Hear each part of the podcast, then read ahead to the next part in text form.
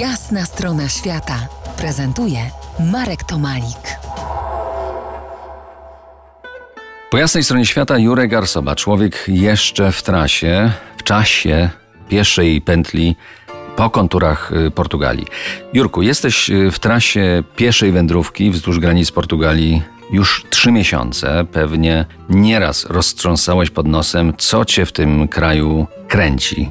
Opowiedz o tym, proszę. Tak, zdecydowanie Portugalia jest y, w swoich różnych wielu regionach tak różnorodna, y, tak krajobrazowo piękna, że zachwyciło mnie to bardziej niż się spodziewałem. I ta właśnie krajobrazowość, te nieoczekiwane zmiany. No właśnie, nie kryjmy, nie kryjmy. Tak, wina. Właśnie, też Tak, piechurzy. Wina, wina i wina. Wino, wino, wino. Słynne Porto i nie tylko. Właśnie, to Porto zawsze mi się podobało i zawsze pragnąłem, było to moim marzeniem, żeby pojechać, polecieć do kraju, w którym to Porto się produkuje.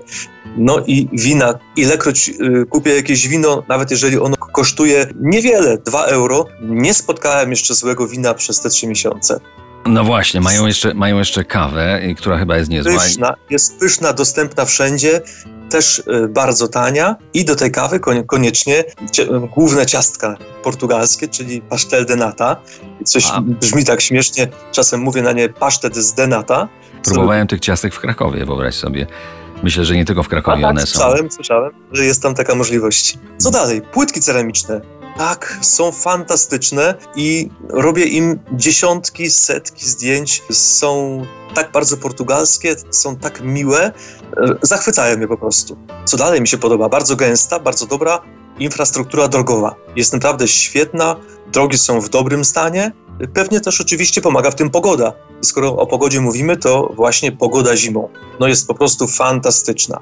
A jeszcze taka ciekawostka, może spod, pewnie spotkaliście się Państwo y, z tym, że będąc gdzieś w innym mieście, w innym kraju, y, podchodząc do prysznica albo do zlewu, chcąc użyć ciepłej wody, nie wiadomo, który kurek odkręcić, lewy czy prawy. To jak w Anglii. Czasem wiadomo, że trzeba spuścić tej wody y, parę minut, żeby dopiero była ciepła i znowuż nie wiadomo, czy lewy, czy prawy. Kombinujemy, raz ten, raz ten. A tu, proszę Państwa, w Portugalii ciepła woda w kranach i pod prysznicem jest zawsze, zawsze z lewej strony. Zawsze. To jest doskonałe. Chyba nigdzie indziej na świecie się z tym nie spotkałem. No a co cię w takim razie wkurza? No bo dużo tego dobrego jest, ale zawsze coś tam gdzieś y, człowiek, człowieka denerwuje.